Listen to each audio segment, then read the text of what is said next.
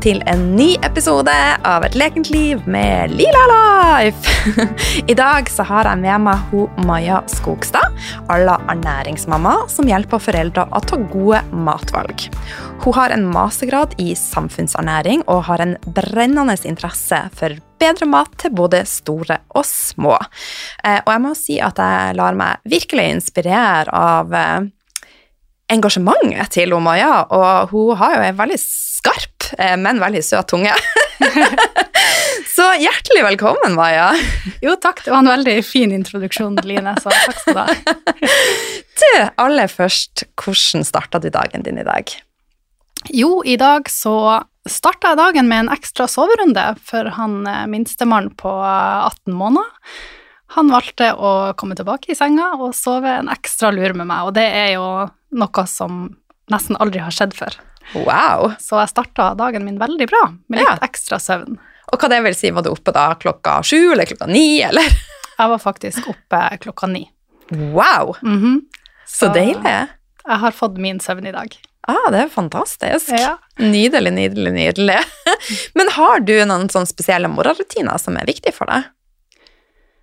Jeg har vel ingen eh, Veldig lite rutiner i hverdagen min, men jeg har noen få ting som er viktige for meg, og det er jo kanskje som du skjønte i sted, så er det søvn. Og der er jeg litt spesiell, for jeg prøver alltid å legge meg før klokka slår elleve. Før så var det klokka ti, men nå når jeg har fått eh, to små barn, så er det jo det her med egentida også som man må prioritere litt. Så eh, legge seg før klokka 11, det er veldig viktig for at jeg skal fungere godt som Ja. et menneske dagen etterpå. Mm. Jeg driver faktisk og øver på det samme. Det gjør Jeg elsker egentlig å legge meg ett, men nå etter jul så har jeg lagt meg stort sett hver dag før elleve. Ja. Ja, så det går sakte, men sikkert, skritt for skritt. ja, men det er bra. Og det gjør jo at jeg kommer opp tidligere, og jeg syns eh, dagene mine stort sett blir veldig mye bedre. Mm. Ja. Du, eh, vi har lyst til å bli eh, bedre kjent med deg. Eh, så kan du fortelle oss litt om de reise, og hva som gjorde at du valgte å studere ernæring? Ja, det starta vel da min mamma var syk. Hun hadde multippel sklerose. Og jeg husker at vi fikk et blad som heter MS-bladet i postkassa. Det var et sånt kart med bilde over hvor forekomsten av MS var høy og lav. Og det viste seg sånn at i de landene hvor forekomsten var høy, så var det også veldig lite sol, altså vitamin D fra sola, mens i land der forekomsten var lav, så var det lite sol. Og vi bodde jo i Nord-Norge med lite sol, så det var en sammenheng mellom vitamin D og forekomsten av sykdommen MS. Ja. Og sånn begynte på en måte tankene å rulle om kanskje vitaminer og mineraler fra mat kan spille en rolle i utviklinga av andre sykdommer. Spennende. Så begynte jeg å lese, og så ble jeg bare mer interessert etter hvert som jeg leste. Ja. Mm. Så forekomsten av MS er faktisk høyere her hvor vi har lite sol, eh, sol Ja. og så er den lavere f.eks. i sydligere strøk. Ja. Ja. Hvorfor bor vi her, egentlig? ja, det kan du godt si. Vi ble født her. Det fikk jeg nå ifra, men det oss jo ikke fast der. Jeg fikk seriøst i halsen. Det er bare å hoste ut. Men du, fortell oss litt mer, da. Ja. eh, Jeg tok jo en lang omvei. Jeg var jo litt sånn flink pike. Jeg prøvde å gjøre det som alle andre sa at var best for meg, og som jeg trodde var best for meg sjøl. Så jeg studerte økonomi og fikk meg jobb i en bank. Wow. Men eh, jeg fant jo ut at det ga meg ikke så mye. Jeg fant ikke mye glede i å sitte på kundeservice og svare telefoner og få inn flere, mer lån til banken. Um, så på fritida så leste jeg jo ernæringsartikler. Så etter hvert så skjønte jeg hvorfor sitter jeg her og gjør det her på fritida mi mens eh, jeg jobber i en bank på dagtid.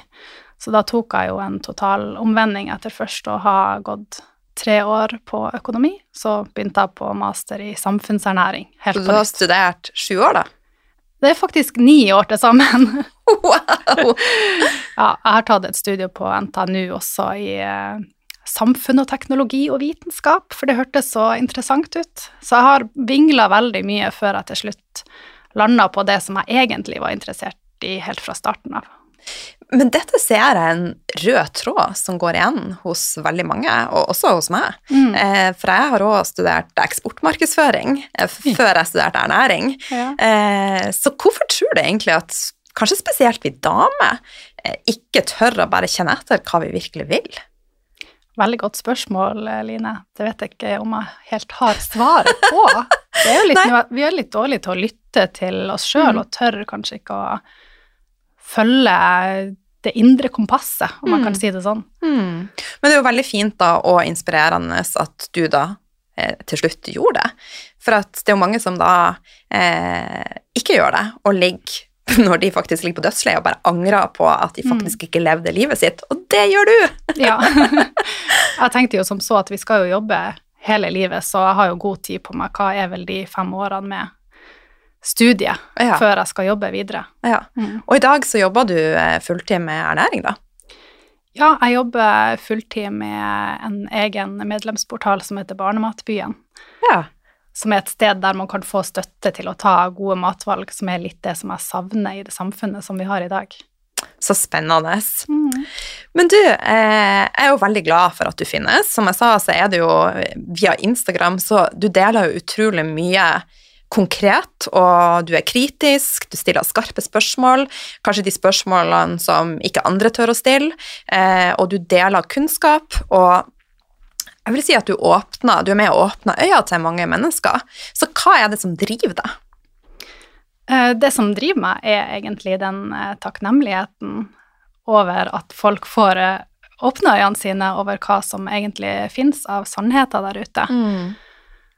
For det er, det er veldig mange myter som trenger å bli røska opp i, og forbrukere trenger mer informasjon for å kunne ta gode matvalg i det markedet som finnes i dag. For det er veldig mye villedende markedsføring der ute. Mm.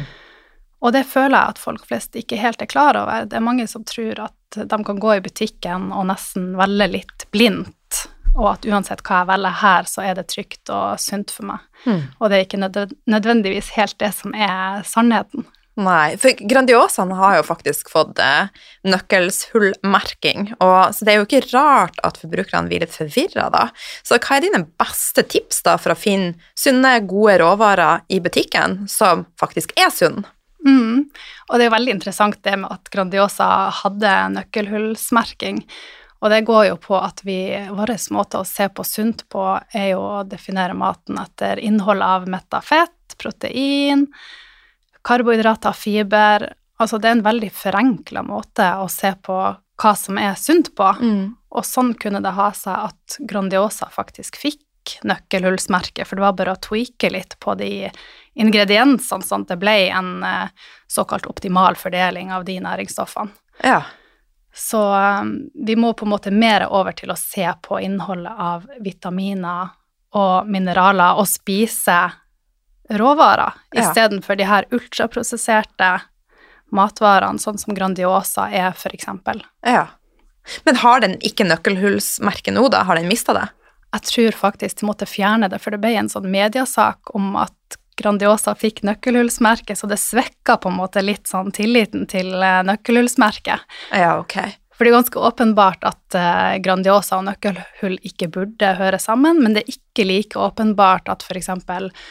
frokostblanding og nøkkelhull ikke burde høre sammen, fordi veldig mange ut av de frokostblandingene som også har nøkkelhull, kan fortsatt ha mye sukker. Og i tillegg så er det kornet som finnes i frokostblandingen, ekstrudert. Det er en prosess Mm. som skjer i fabrikken, som gjør noe med måten vi fordøyer kornet på, Mm. som kanskje ikke er helt optimal ut ifra studier som er gjort på hvordan det påvirker tarmfloraen vår, at det kanskje ikke er helt det samme som å spise hele korn. Ja. Der har jeg faktisk et eksempel for eh, eh, Osteopaten min i Bodø, han tåler ikke gluten, men hver gang han reiser til Kreta, eh, så kan han spise gluten, og, og det er for at det meste på Kreta er faktisk dyrka økologisk, altså det vokser sakte, og de høster det på en helt annen måte. Mm. Så det sier jo litt om hvor vi fucka med ting. sorry. Ja. Jeg prøver å være litt mer grasiøs og ikke så rebell, men jeg er fortsatt rebell, sorry. Ja. Så um, ja, så det er jo utrolig synd at det skal være sånn, at de eh, kludrer med maten. Mm. Eh, og det er jo igjen, det er jo eh, et ønske om at ting skal gå fortere, og at det skal tjenes mer penger, som er eh, intensjonen. Mm. Vil ikke du si det? Jo, og så vet vi jo enda veldig lite om maten og hvordan den påvirker kroppen vår. Så når vi tukler for mye med den, så endres også måten vi tar opp maten på. Som for eksempel med ultraprosessert mat. da. Det er mange som ikke vet at um, det er forskjell på det og råvarer. Og den ultraprosesserte maten er ofte acellulær mat, altså det er mat uten en celle. Og det gjør at vi tar opp energien eh, Vi tar opp større andel av kaloriene fra den maten, sammenligna med hvis vi hadde spist den som en hel råvare. Spennende. Og i tillegg så får ikke maten reist like langt i tarmen når den er acellulær. Og vi trenger at maten får reise helt ned til tykktarmen, der det blir mat for de gode bakteriene. Mm. Rett og slett prebiotika. Ja, det blir jo det. Ja. Så det er litt sånn kompliserte prosesser med hvorfor ultraprosessert mat ikke nødvendigvis er bra for oss, som er litt sånn vanskelig å kommunisere, for du ser jo ikke det på pakken, Nei, nei. hvordan denne matvaren er prosessert, og ikke minst hva, er det, hva betyr det for kroppen. Mm. Det er jo ikke selvforklarende i det hele tatt. Så uh, ultraprosessert mat tas opp lenger opp i tarmen, som gjør at vi rett og slett får et, vi må få et dårligere næringsopptak, og vi får et dårlig, dårligere mikrobiom. Ja. Ja.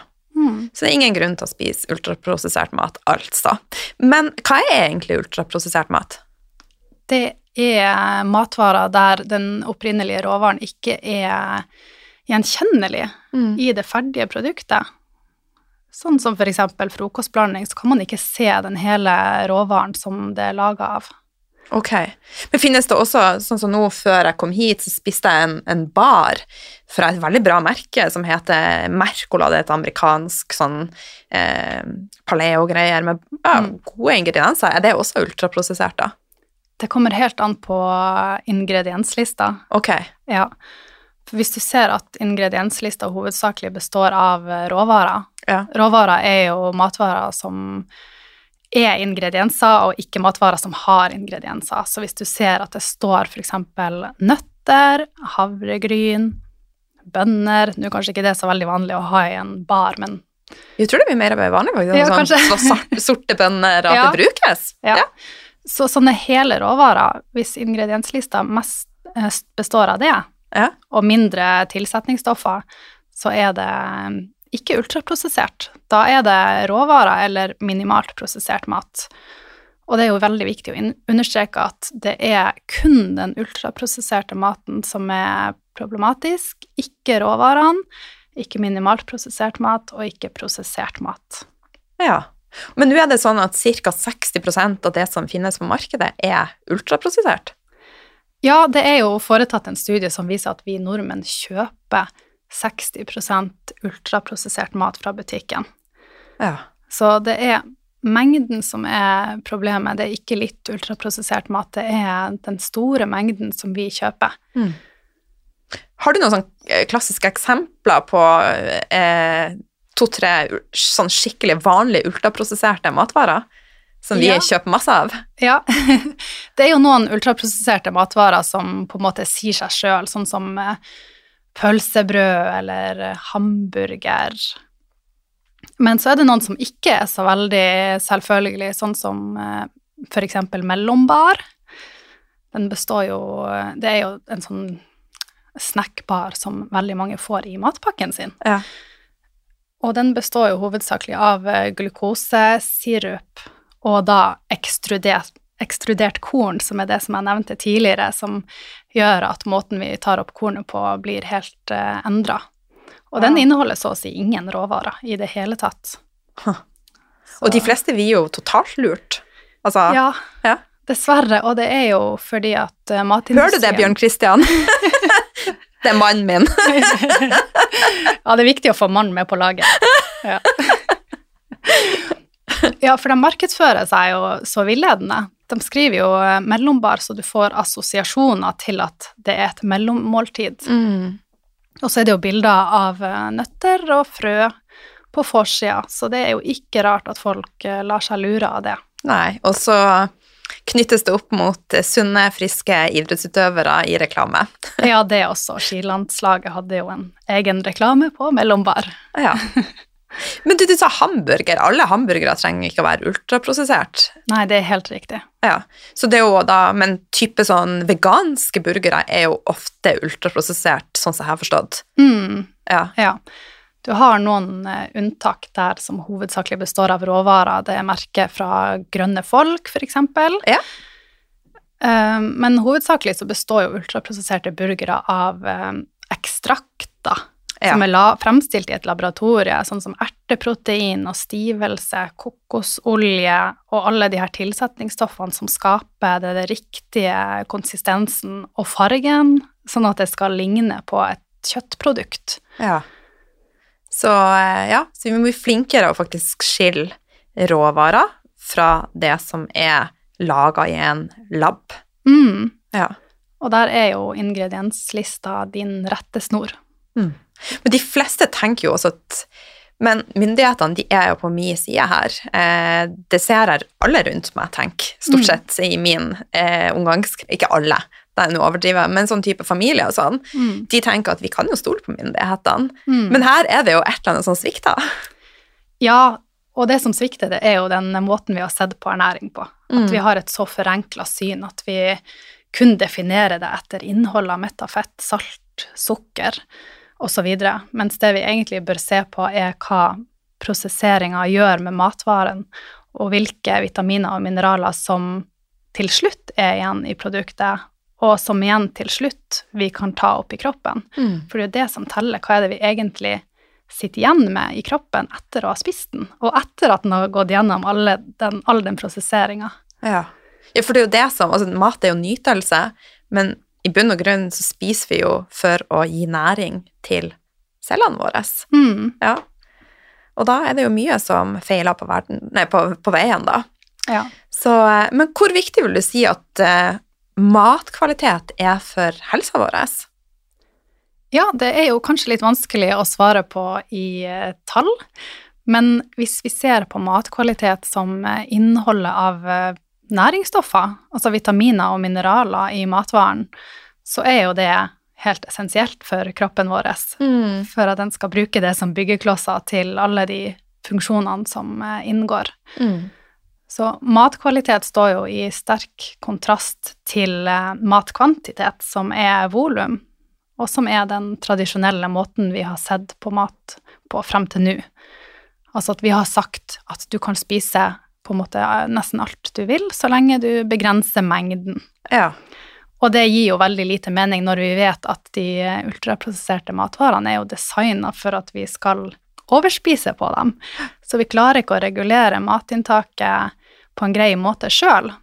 Men vi har eh, tilsetningsstoffer som eh, gjør at vi får en sånn perfekt munnfølelse, så vi får lyst til å spise mer, kanskje uten at vi merker det perfekt sammensetning av eh, fett, salt og sukker, som gjør at vi får en sånn belønningseksplosjon i hjernen.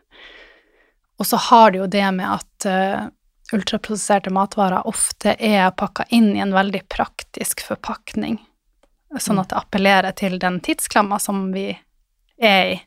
Vi kan spise det med ei hånd, og så er det veldig tilgjengelig på ethvert butikkhjørne. Å, jeg kjenner blir svett for et samfunn vi lever i. Ja, det er litt spesielt. Jeg gikk jo inn på en sånn eh, Narvesen-kiosk, og så tenkte jeg ok, hvor mange råvarer finnes det her kontra ultraprosessert mat? Ja. Kunne faktisk bare finne én råvare, og det var en banan. ja. Ja. Oh my god. Så vi er jo på en måte satt opp for å feile, ja. på grunn av at det er så lite tilgjengelig. Mm. Mm. Og vi går jo mer og mer i fotsporene til eh, USA også, eh, og de er jo kommet enda verre ut, så hvis vi ikke gjør noe nå, så vil det jo bare gå Altså, vi verre og verre.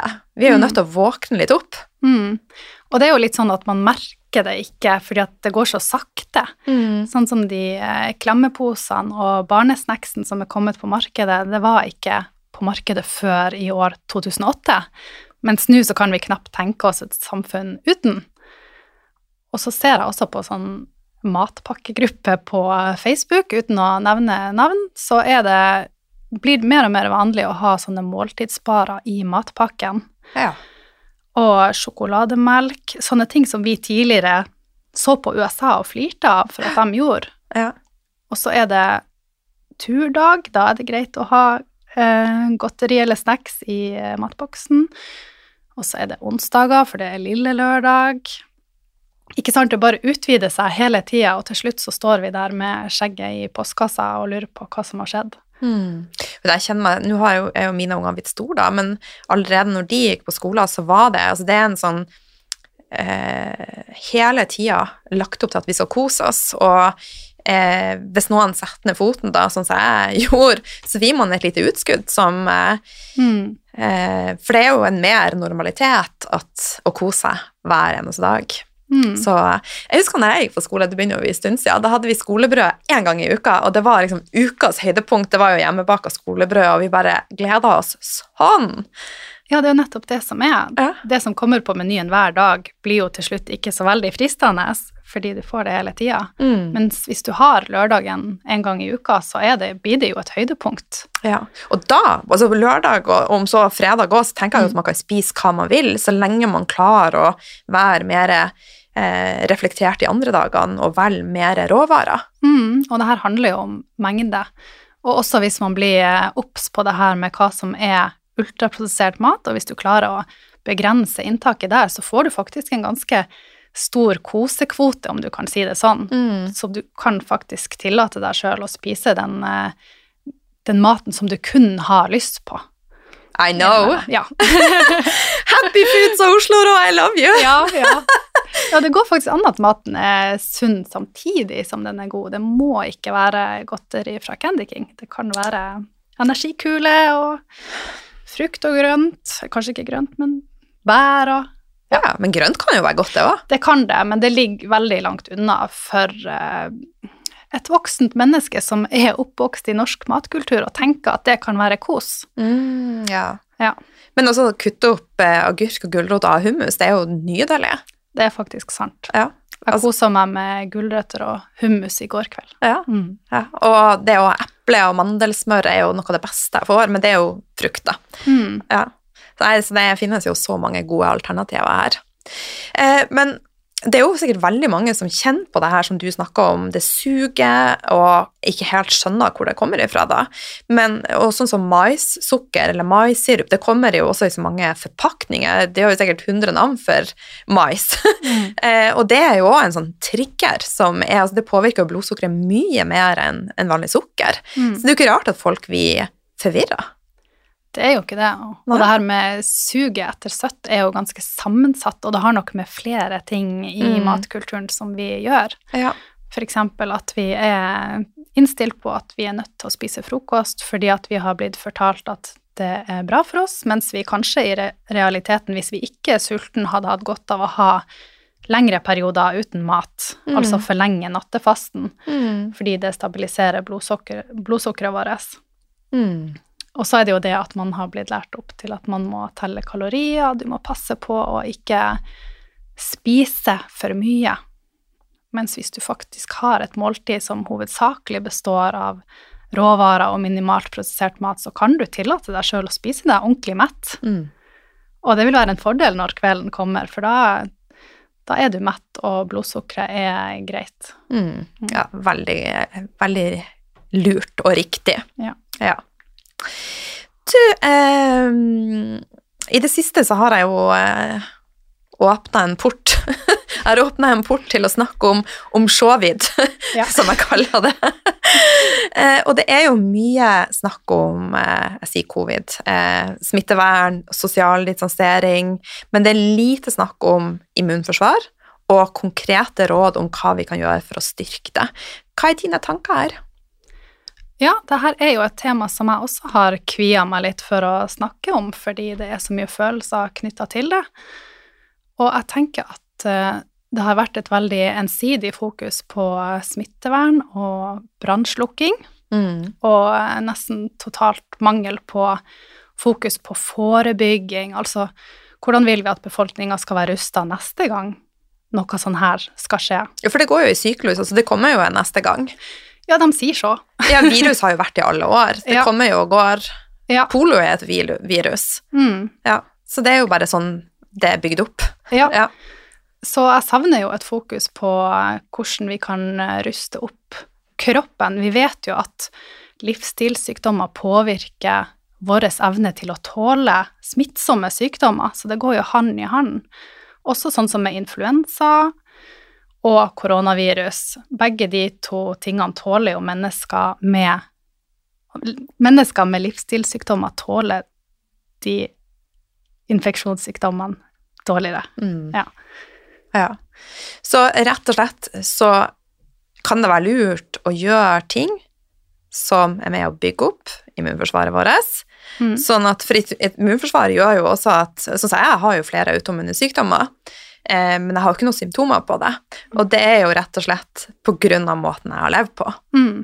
Det er jo veldig mange som vil si at nei, men det tror jeg ikke på, men jeg, jeg vet at det er sånn er. Ja, og igjen, det her er jo et kjempesårt tema, fordi mange sitter der hjemme og har sykdommer, og så får de fortalt at du kanskje kan gjøre noe med maten. Mm. Og ikke alle sykdommer kan kureres med mat, men veldig mange kan det. Det er enda veldig mye vi ikke vet om hvordan maten påvirker kroppen vår. Mm. Og så er det jo en sammensatt greie. For min del så var det like mye det med stressreduksjon som har Mm. vært en viktig nøkkel. Mm. Og når jeg sier at jeg vet, så er det meg jeg snakker om. Jeg vet ikke sannheten, for hele, jeg vet ingenting, egentlig. Mm. Og det blir jeg veldig mer, altså, jeg blitt veldig mye mer ydmyk på det, at vi er i en startfase på å finne ut av ting. Mm. Så det kommer jo ny forskning hver dag.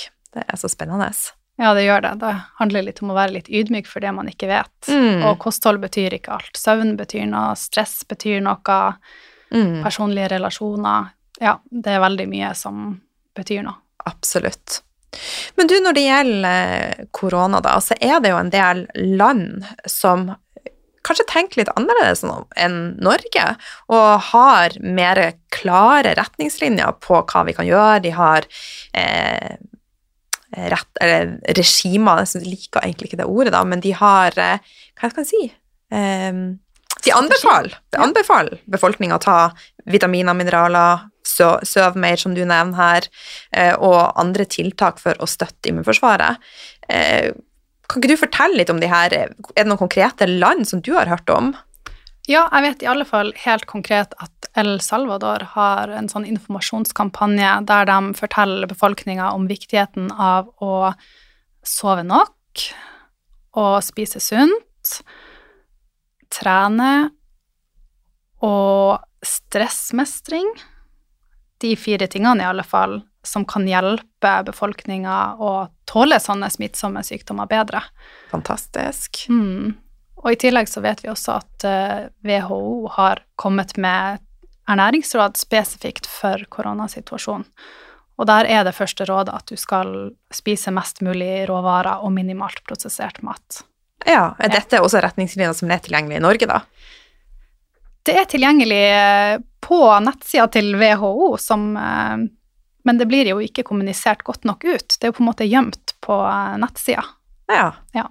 Det er jo akkurat det samme som Dette, dette prater jeg ikke så mye om, da, men f.eks. tilstand i norske, det norske hav eh, og alle tungmetallene og sånn som er der, det ligger jo tilgjengelig som informasjon at fisken er full av kvikksølv, men det er jo heller ikke noe som vi formidler ut da. Så det er jo veldig mye som dysses ned, eh, og det er jo litt eh, skummelt, syns jeg da. Så eh, ja. Men ifølge FHI er det sånn jeg sier det? FH er så dårlig på navn. Ja, Folkehelseinstituttet, ja. Ja, det vet jeg, men det, liksom, eh, det var liksom sjarongen FHI. Jo da, du sier det. Ja. Så har ni av ti eh, som har dødd av korona, hatt andre underliggende eh, sykdommer. Og det her er det også lite fokus på. Hva er dine tanker her? Det er kanskje en mangel på at man klarer å se på de bakenforliggende årsakene. Ja. Man klarer mer å se på en måte det første leddet som gjør at ok, du blir smitta, så får du et virus, og så blir du syk. Men hva var det som skjedde først, egentlig? Mm. Det som skjedde først, var kanskje at kroppene våre fikk en eh, dårlig evne til å tåle viruset, fordi vi hadde blant annet mye stress i livene, spist dårlig Mm. osv., som etter hvert over lang tid gjorde at vi utvikla livsstilssykdommer, som igjen gjorde at vi fikk dårligere evne til å tåle smittsomme sykdommer. Mm. Ja. Hvis du da skulle eh, fortelle eller gi dine beste tips for å styrke immunforsvaret, hva, hva vil du si da? Ja, i og med at jeg har kjent effekten av dårlig søvn på kroppen, så vil jeg kanskje nevne det først, at det er viktig å få god søvn. Og så vil jeg også si at det å spise mest mulig råvarer og minst mulig ultraprosessert mat er veien å gå. Ja. Mm. Er det noen spesielle vitaminer og mineraler som du vil anbefale å ta tilskudd av? Så spesifikt vil jeg ikke gå inn. Jeg har ikke så veldig mye kunnskap på det området, men jeg vet jo at spesielt den norske befolkninga trenger jo mer vitamin D Ja. av mangel på sol. Ja. Ja. Og jeg benytter, sånn som i dag, så er det jo sol i Oslo. Og jeg, benytter, jeg tror ikke det er D-vitaminer enda i sola. Det kommer kanskje ut i februar eller et eller annet sånt. Så eh, Jeg tror vi nærmer oss ja, vi nærmer oss. Ja. Så alle springer ut i, eh, i sola og slikk til dere det dere mm. kan av D-vitaminer. Mm. Men når det gjelder vitaminer og mineraler, så er liksom mitt motto eh, blitt over årene at eh, less is more, altså det omgjør å bruke minst Ja. mulig og klare å, å få mest mulig potensial ut av maten vi Mm. spiser. Eh, men dessverre så er det jo så mange som stresser for mye og spiser dårlig mat, så da bruker jeg å si kanskje omega-3, en multivitamin, og så Mm. sånn forskning som jeg har lest i forhold til eh, covid, da, så er det jo også C-vitaminer og sink som nevnes, og Mm. D-vitamin som du Mm. også nevner. Men igjen, det er jo ikke noen fasit som, som gjelder for alle. jeg har også hørt om det, men jeg har ikke dypdykka i det. Men jeg har eh, også fått en eh, litt større respekt for kosttilskudd, fordi at det viser seg jo igjen og igjen i forskninga at når vi tar ut vitaminer og lager dem eh, kunstig i et laboratorie, så får det en annen effekt på kroppen enn hvis du får det hel fra en matvare. Mm. Og noe ut av den effekten kan kanskje tilskrives noe som heter for matens matriks, som da er den totale sammensetninga av alle stoffene, både kjente og ukjente, som finnes i en matvare, og de her jobber sammen i et sånn komplisert samspill. Ja. Og vi vet enda ikke effekten av alle de av det samarbeidet på kroppen vår, og vi klarer ikke å etterligne det i et laboratorie Nei. med tilsatte vitaminer. Så jeg er veldig tilbakebeholden med å anbefale vitaminer og mineraler generelt. Ja, og jeg tenker også altså sånn logisk tenking, så vil det jo kunne eh, finnes akkurat like mye dårlige vitaminer og mineraler som det gjør mat. Eh, at det er ultraprosessert, og at det brukes eh, rare ting, sånn at man er kritisk og går til Blant sånn C-vitaminer så kan man kjøpe en C-vitamin som heter Amla, og da er det laga Mm. av frukt og bær. Mm. Og da vet vi jo at altså, det kommer faktisk fra frukt og bær. Det er ikke Mm. Tukla med. Ja, kvaliteten på kosttilskudd varierer jo også enormt, og det føler jeg jo er et helt eget fagfelt, nesten, som man må holde seg oppdatert på. Ja. Ja. Mm, nei, men det er eh, eh, Det støtter det veldig i, at vi må være litt eh, kritisk til det. Mm. En annen ting som du har eh, snakka en del om i sosiale medier, er at du ser at det er noen som tjener mer på den situasjonen vi er i i dag, eh, og da snakker jeg om eh, korona. Eh, og Altså, vi kommer ikke utenom at sukkerindustrien den er, står sterkt, og den er infiltrert på plasser vi kanskje ikke tenker over. Og jeg vil bare dele et ganske sånn groteskt eksempel før du. Mm. og da var det Så på Facebook en vaksineklinikk som inviterte små barn til å ta vaksine i samarbeid med Haribo. Ja. Og det er jo litt sånn Jeg får ståpels altså bare når jeg snakker om det. Så det er jo et eller annet her som ikke stemmer. det er mye som eh, ikke stemmer, og det er jo fort gjort å tenke i sånn konspirasjonstankegangene om at uh, matprodusentene har satt ut et virus som de skal tjene på, men det er absolutt ikke i den eh, retninga jeg vil gå. Uh, observasjonene mine er basert på en rapport som kom ut fra NCD Alliance, som er en organisasjon mot livsstilssykdommer, der de har gått gjennom og sett på hvordan matindustrien har markedsført seg under koronapandemien. Mm. Og da viser det seg at uh, det er en større andel av produsenter av ultraprosessert mat som har gått ut og brukt f.eks. det her med avstand, bli hjemme, i markedsføringa si for å fremme seg sjøl. Ja. Så de har på en måte fremstilt seg sjøl litt som helter, også ved å donere gratis multringer til eh, barneavdelinger på sykehus, til eh, helsearbeidere osv. Ja.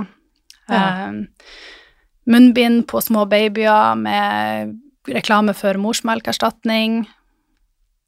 Ja, det fins mange eksempler på at de på en måte bruker koronapandemien på å markedsføre seg sjøl. Og det blir jo helt feil, i og med at grunnlaget er at ultraprosessert mat øker vår risiko for livsstilssykdommer, som, Som- igjen øker risikoen for et mer alvorlig forløp av covid-19.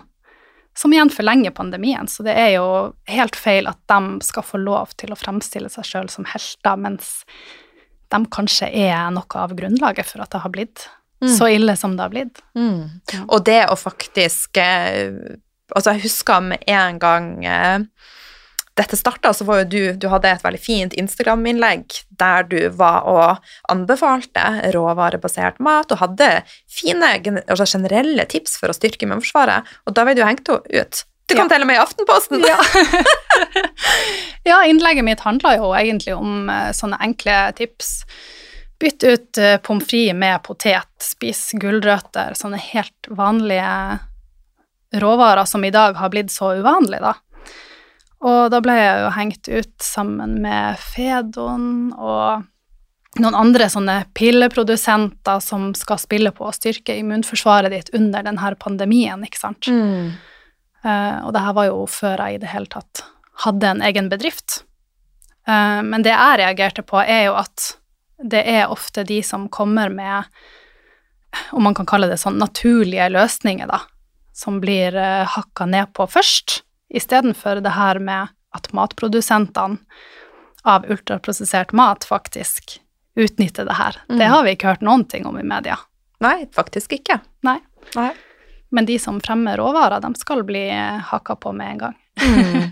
En annen ting du har delt som også får, får ståpelsen frem, det er um, regjeringa som står og bøtter inn på lettbrus. Ja.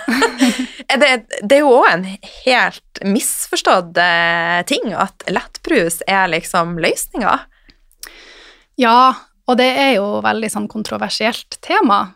Det, vi i Norge drikker jo veldig mye brus, så det rører veldig mange følelser når man sier Mm. at lettbrus kanskje ikke er så sunt som vi trodde. Fortsatt her er det veldig mye som vi ikke vet. Men det er noen studier på dyr som viser at uh, tarmfloraen kan endres i ugunstig retning ved inntak av lettbrus. Mm. Og det her med at regjeringa har gått i fronten og kutta sukkeravgifta Mange sier at det er upro uproblematisk fordi at de hadde kjøpt sjokolade og brus uansett nesten hva det koster. Men i et folkehelseperspektiv så vet vi at det her er sånne priselastiske matvarer hvor vi kjøper mer hvis det blir billigere, Mm. og kjøper mindre hvis det blir dyrere. Og Helsedirektoratet sjøl har jo også foreslått det å ha en gradert sukkeravgift som en av de viktigste tiltakene vi kan ha for å forebygge livsstilssykdommer. Mm. Så det at man gjør noe som er i stikk motsatt retning nå, det er jo Det er helt feil. Ja. Ja. Og igjen så det, Som du sier, det er forska på det med lettbrus og mikrobiome, og et mikrobiom i ubalanse kan jo gi mer sukkersjuk. Og da hvis vi i tillegg eh, vi fôrer med ultraprosessert mat på alle kanter, så står vi der og har ulandes ulver etter sukker. sukker. Altså det er jo Altså, det er jo kjempevanskelig for forbrukeren å liksom Mm. Jeg vil være oppgitt på Altså, jeg er så glad at jeg har kommet meg ut av det, for jeg har jo vært avhengig av lettbrus, jeg også. Mm. Jeg hadde mange år, eh, men jeg klarte det. Ja, jeg vet også om, om ei som er stor tilhenger av eh, energidrikker, Monster, og hvis hun ikke får seg en, så får hun eh, hodepine. Og da tenker jeg at da er det kanskje noe som man bør vekk fra. Ja, men det kan jo være koffeine også. Det kan det selvfølgelig være. Ja. Sukkeret eller tilsetningsstoffene eller koffeinet. Ja. Ja. Men du eh, Altså Noe annet med at eh, du og familien din eh, spiser relativt sunt, at det ikke er så mye eh, ultraprosessert mat. Og så tror jeg kanskje mange tenker at dette er veldig komplisert. Mm. Eh, men det trenger det kanskje ikke å være. Har du noen tips til å, å endre? Og så komme mer til råvarebasert eh, Mm. kosthold?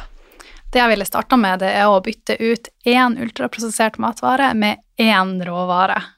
Og så tar man det derifra. Søker kunnskap, og etter hvert som man får mer kunnskap, så blir det drivkraften. Hjemme hos oss så er vi veldig dårlige på middagsplanlegging. Så det som jeg gjør, det er at jeg har eh, litt kjøtt hjemme av variert slag. Bønner, linser, kjøper inn eh, masse frukt og grønt. Og når det blir middagstid, så, har jeg som regel ikke planlagt middagen, men da tar jeg ut noe kjøtt, tar jeg ut noe grønnsaker, og så hakker jeg det opp, steiker det, og så blir det akkurat sånn som det blir. Altså, jeg lager ikke en middag som heter noe, det er bare Velkommen i klubben! Så jeg stiller vel, har en veldig lav terskel og stiller ikke så høye krav til meg sjøl når det gjelder middag. Mm. Ja. Men den maten blir jo som regel kjempegod. Syns Ja. du ikke? Jo, ofte blir den bra, og ofte så blir den eh, litt mindre bra. Men eh, det har kanskje mer med kokkeskills å gjøre. Jeg syns min mat stort sett alltid blir veldig bra, da, men jeg er nerd på smaker, så jeg er veldig sånn flink å smake meg til med krydder og hvitløk, og så har jeg en dash av det og en dash av det. Jeg er litt jålete. Jeg holdt på å lære meg det i prosessen. Man bruker ofte å klage over 'hvorfor har ikke du krydra maten?' Oh, ja, Så jeg holdt på å lære meg der. Du får komme på kurs hos meg en dag. Så bytt én ultraprosessert matvare med en bra matvare, og ta det skritt for skritt, Mm. rett og slett. Og så er det viktig å vite at det finnes også ferdige matvarer på butikken som er av god kvalitet. Ja. Så når man kjøper mer av det, så blir det også mer av det på markedet. Ja. Mm. Nice. Men du, um, har du noen Altså utenom det du nevnte nå i forhold til det du lager, har du noen favoritter som er enkle å lage? Eller er det, går det bare på, sånn på gefühlen og bare hive noe oppi? Eller har du noen retter som du liksom går, som går igjen? Jo, det er vel noen retter som går igjen. Ja. Eh, Jeg har jo en som fått en sånn spesiell rett som jeg er blitt litt flink på. Fiskegrateng. Ja. Mm. Um, ellers så Det går mye i kjøttdeig. Det gjør det, altså. Jeg skal innrømme det. ja. Kjøttdeig sammen med opphakka søtpotet og squash og alt mulig rart. ja. Men i fiskegratengen din, hva har du i den? Ja, det er jo fisk, og så er det linsepasta og kokosmelk, siden vi er en eh, familie med melkeintoleranse. Um, og så litt sånn knekkebrødstrø. Ah, Ja, det er jo en del prosesser som skal inn i den fiskegratengen, men det er litt sånn at når man først har gjort det noen ganger, så går det helt på automatikk. ja, så deilig. Ja. Jeg brukte også å lage en fiskegrateng, men den er en stund siden. Men da piska jeg opp eggehvite, og så venta jeg inn eh, kokosmelk som jeg hadde rørt inn eggeplommen. Mm. Så det veier nesten som en sånn oste, eh, fiskegrateng-sufflé. Mm. Og så hadde jeg òg brokkoli og, og blomkål i. Mm, og det er jo kjempegodt når man gjør det på den måten, men jeg har bare forenkla hele prosessen, også Ja. fordi vi har en del matintoleranser i familien. Ja. Både melk og egg, faktisk. Så den fiskegratengen er kanskje ikke det vi burde ha gått for, men det har nå blitt sånn. ja. Ja. Men, eh, men deres hørtes jo veldig gode ut, da. Ja, det blir, det blir bra. Ja. Men du, veldig mange har motstand mot endring. Hvordan kan vi klare å snu det, og hvorfor sitte så langt inne og gjøre ei endring? Det er kanskje bare en helt naturlig menneskelig fabrikkinnstilling Akkurat sånn som på jobben, hvis man får et ny programvare som man skal sette seg inn i, så blir man automatisk litt sånn rebelsk og ønsker ikke det. Mm. Så er det jo litt sånn at med den matkulturen vi har i dag, hvor nordmenn flest kjøper 60% ultraprosessert mat, så Ja. er det jo mest komfortabelt å være i den bobla. Endring er jo noe som eh, gjør litt vondt. Det er vanskelig for oss å endre oss. Mm. Så det er egentlig bare helt naturlig, tenker jeg. Ja. Men endring Uten endring så endrer jo ikke noe seg. Det er jo en Albert Einstein som sier. Det er mitt favorittordtak. Jeg har faktisk ikke hørt det før. Har du ikke det? Nei. Altså, det er jo ganske enkelt. Altså, uten å endre noe, så vil ikke noe endre seg. Mm. Det er jo barneskolelære, egentlig. Ja, det er kanskje litt sånn man tenker ikke helt over det, Nei. men det er sant. Ja. Mm. Og, eh, og så bruker jeg også å minne meg sjøl om at magien skjer jo utafor komfortsona. Så det å endre noe er ondt, men det er jo utafor komfortsona. Da må det bli magisk. Mm. Ja, det er helt sant. Du, um, om du veier eh, sittende fast på ei øde øy og kun fikk ta med deg fem matvarer, hva hadde du tatt med deg? Den har jeg tenkt mye på. Først og fremst så ville jeg tatt med meg egg, fordi det inneholder alle vitaminer og mineraler unntatt vitamin C. Og så måtte jeg jo ha med meg noe som eh, inneholder vitamin C, og det kan jo også hjelpe litt med å tilføre syrlighet til maten hvis jeg har med meg noe klementiner, f.eks., eller sitron eller appelsin. Eh, og så tror jeg jeg ville hatt med meg noe med litt eh, tyggemotstand, for det tror jeg kan bli et ganske stort savn hvis, hvis man ikke har noen matvarer som man får litt sånn motstand i. Ja, litt crunch. Ja, så kanskje gulrot. Mhm. Um, avokado, bare fordi jeg liker det så godt. Og så kanskje noe som skaper litt uh, volum. For eksempel eh, bokhvete, fordi det kan brukes både som tilbehør til middag eller til frokost. Ja. Nice. Du hadde nok sikkert overlevd en stund, da. Jeg håper det. så hadde du kunnet klatre i trærne tre og hente med litt kokosnøtter. Ja, får håpe det. Du, eh, helt på tampen eh, så har jeg et eh, spørsmål bare rundt det med barn og BMI. Mm. Er vi for opphengt i BMI kontra hvordan barnet har det? Ja, det er jo litt sånn at vi er jo veldig glad i å måle ting. Mm. Og det er det mest konkrete vi har å forholde oss til for om et barn trives eller ikke. Mm. Hvis man går ned i vekt, så er det som regel et tegn på at barn ikke trives. Mm. Eller hvis man går for mye opp i vekt, så er det et eller annet annet som er feil. Men eh, det er jo fort gjort å henge seg opp i det, og det viktigste er jo kanskje å se på barnet. Ser det her barnet sunt og friskt ut? Og allmenntilstand. Og der er jo på en måte foreldrene det beste svaret på om barnet har det bra eller ikke. Mm.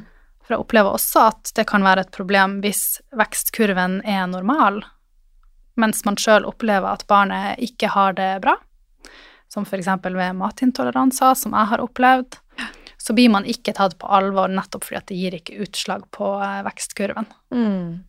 Mens fortsatt så påvirker det livene til både deg og ungen ganske mye. Ja, ja, absolutt. Mm. absolutt.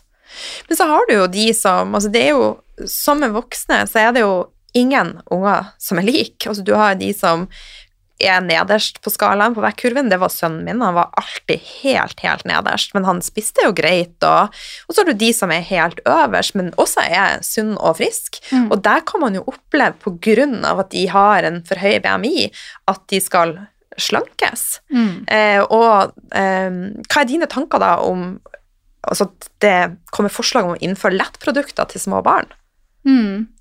Jeg tenker at det viktigste er at man følger sin egen vekstkurve, og at den ikke avviker for mye over tid. Mm. Det er selvfølgelig en oppgave for eh, helsesykepleier eller fastlege å vurdere. Mm. Eh, Men når det kommer til den tradisjonelle oppfatninga man har av hva som skaper en normal vekt, så er det kanskje litt feil å si at et barn skal ha lettprodukter. Også fordi at det fins ikke noe vitenskapelig dokumentasjon for at eh, feite meieriprodukter er farlig, eller at det eh, gjør at man får en normal vekt. Tvert Mm. så har det vist at inntak av fete meieriprodukter gir en, eh, en fordel med tanke på sunn vekt hos Mm. barn. Mm. Og da kanskje holde inntaket av ultraprosessert mat nede som ikke er en god match med det her fettet. Ja. For det er jo ofte der vi feiler, at vi kombinerer altså dårlige karbohydrater med masse fett. Mm. Ja. De, de magre meieriproduktene er jo ofte mer prosessert, gjerne ultraprosessert, kontra de fullfeite som er prosessert og dermed helt fin å spise.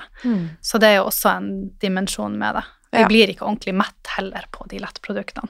I Som igjen skaper et su sukkersug, ikke sant? Ja. Ja.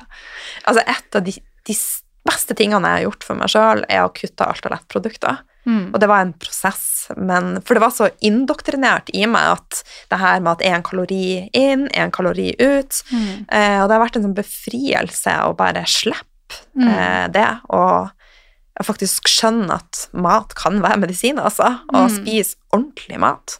Det tar jo lang tid å avlære seg de her tingene, for det er jo ting som man har hørt helt fra man var liten. At fett er farlig, og du må telle kalorier. Mm. Så det er en prosess å avlære seg det, ja. Og, men alt er mulig. Det er mulig Ja. å snu det vanskeligste ting. ja. Du, aller siste ting, eh, Maja. Vi begynner å nærme oss slutten. Eh, er det noe du vil tilføye som jeg ikke har vært innom? Som du tenker ville være av verdi til eh, lytterne? Ja Det er jo det å være litt bevisst på sitt eget tankesett. At det ikke er svart-hvitt, og det er ikke all in eller ingenting. Man må ta ting i små steg. Mm. Bytte ut én råvare med et, en, en ultraprosessert matvare, og gi seg sjøl tid. Ja. For det, det tar veldig tid å skape varige livsstilsendringer. Mm.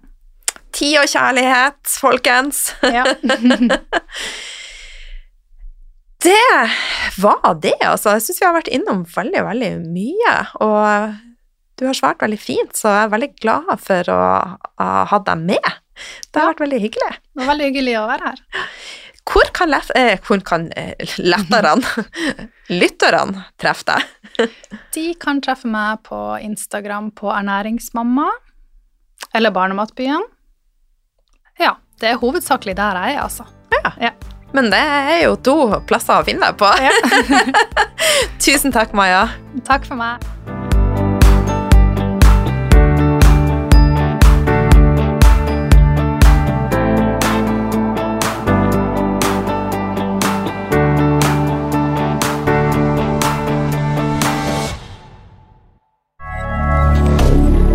Moderne media.